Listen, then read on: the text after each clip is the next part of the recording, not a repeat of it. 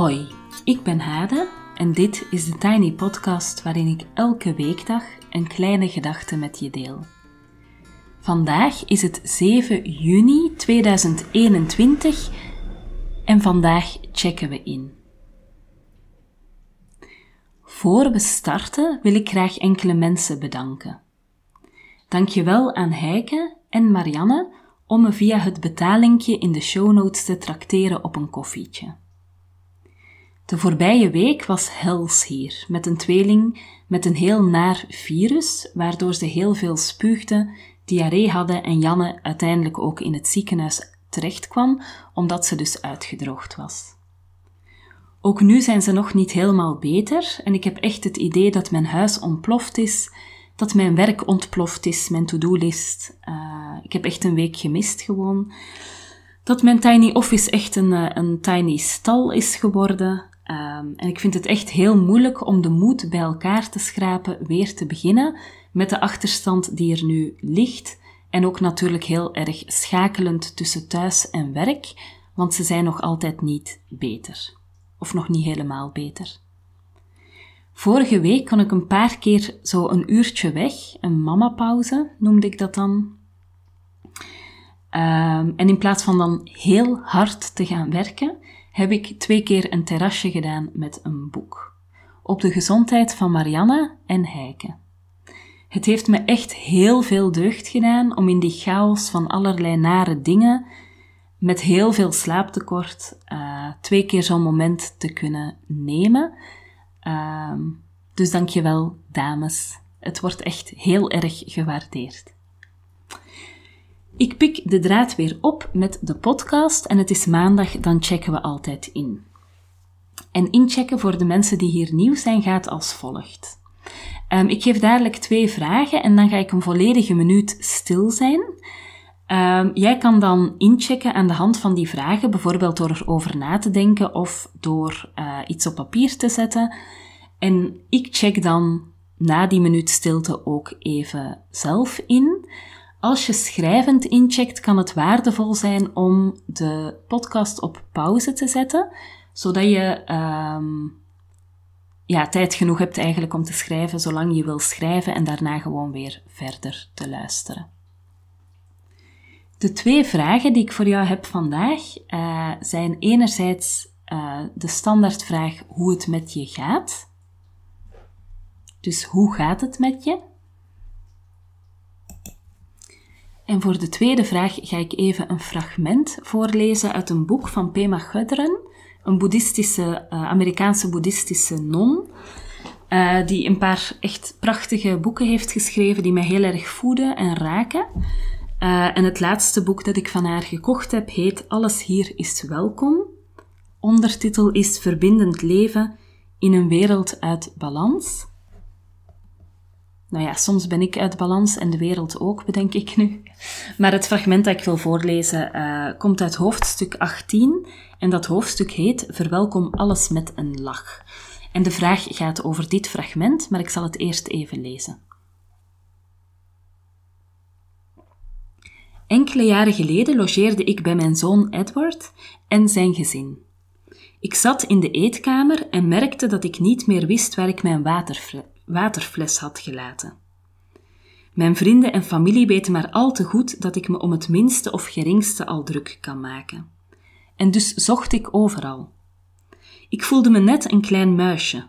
Ligt hij hieronder? Staat hij daar bovenop? Zit hij in deze tas? Waar is hij toch? Waar kan hij toch zijn? Oh, volgens mij heb ik hem in het winkelcentrum laten liggen. Kan ik daar iemand bellen? Mijn zoon had zojuist zijn eerste boeddhistische boek gelezen, een cadeau van zijn dochter. Hij zag hoe neurotisch ik bezig was, iets wat ik overigens zelf niet doorhad, en vond dit een goed moment om zijn moeder, de boeddhistische non, eens flink in de maling te nemen. Hij zei tegen zijn zoon Piet, die toen twaalf jaar oud was: Zie je wat oma aan het doen is? Ze lijdt. En weet je waarom ze lijdt, Piet? Omdat ze zo gehecht is aan haar waterfles. Als ze haar gehechtheid aan die fles kon opgeven, zou ze ook niet langer lijden. Ik kon niet anders dan toegeven: Piet, je vader heeft helemaal gelijk. Met zijn humor doorbrak mijn zoon mijn gewoonte op slag. Ik stopte meteen met mijn zenuwachtige gezoek en zei: Wat maakt het ook uit of ik die fles ooit terugvind? Ik wil liever iets doen aan mijn patroon, namelijk dat ik me aan dit soort dingen erger en mezelf zit op te vreten. Waarop het hele gezin in koor ja begon te roepen. Ook nu nog denk ik nog vaak aan dit voorval terug wanneer ik volledig door iets in beslag word genomen. Door even hard om mezelf te lachen, kan ik de dingen doorgaans makkelijker loslaten. Al mijn leraren hebben een groot gevoel voor humor en beschouwen humor als een belangrijk onderdeel van het geestelijke pad. Het is essentieel als je vriendelijk voor jezelf wil zijn. Velen van ons worden voortdurend achtervolgd door een gevoel van onvolmaaktheid. We denken dat er iets fundamenteel mis is met onszelf. Sommige mensen reageren hierop met altijd bezig zijn, ze rennen koortsachtig rond en zijn heel gestrest. Anderen verdoven zichzelf met bepaalde middelen of andere manieren om aan het gevoel te ontvluchten. Weer anderen worden heel streng en rigide. Dit zijn allemaal manieren om te ontvluchten aan dat vreselijke gevoel dat er iets fundamenteel mis is met jezelf. Maar als je om jezelf kunt lachen, worden al die verschrikkelijke tekortkomingen minder solide en ga je ze minder serieus nemen. Voilà, tot daar. En de vraag bij dit fragment is: welk patroon of welke tekortkoming van jezelf uh, kan je met humor zien, of zou je willen kunnen met humor bekijken, uh, waardoor je het patroon kan doorbreken of um, uh, daar een stap in kan zetten. Ik ga een volledige minuut stil zijn en dan check ik dadelijk even bij jullie in.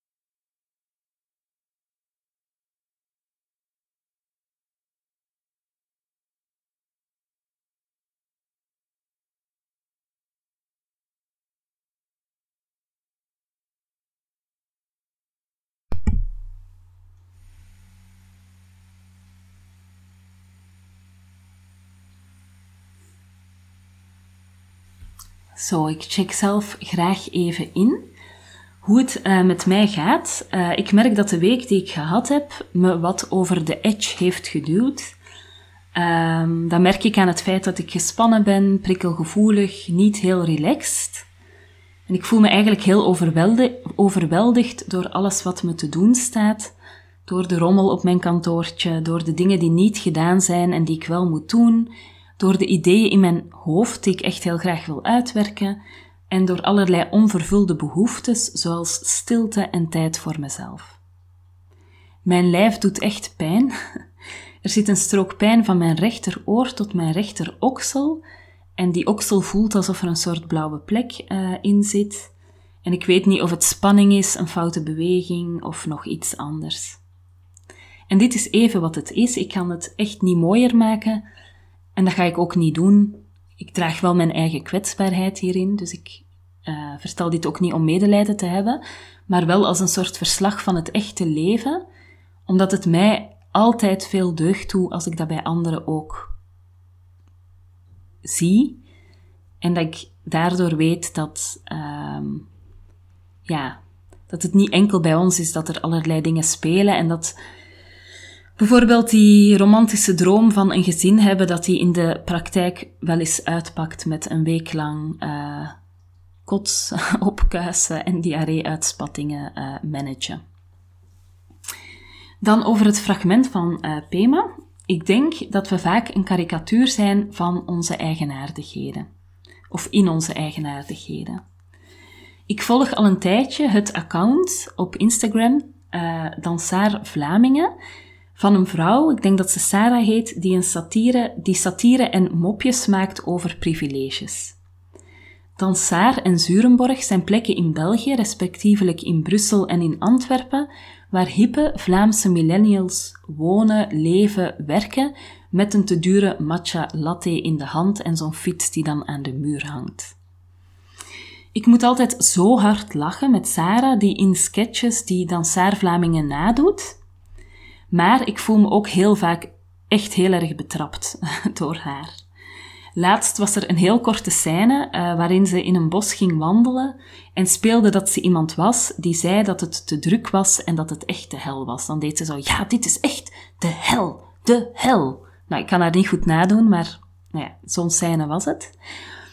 Um, ik hoop echt heel erg dat ik niet zo ben.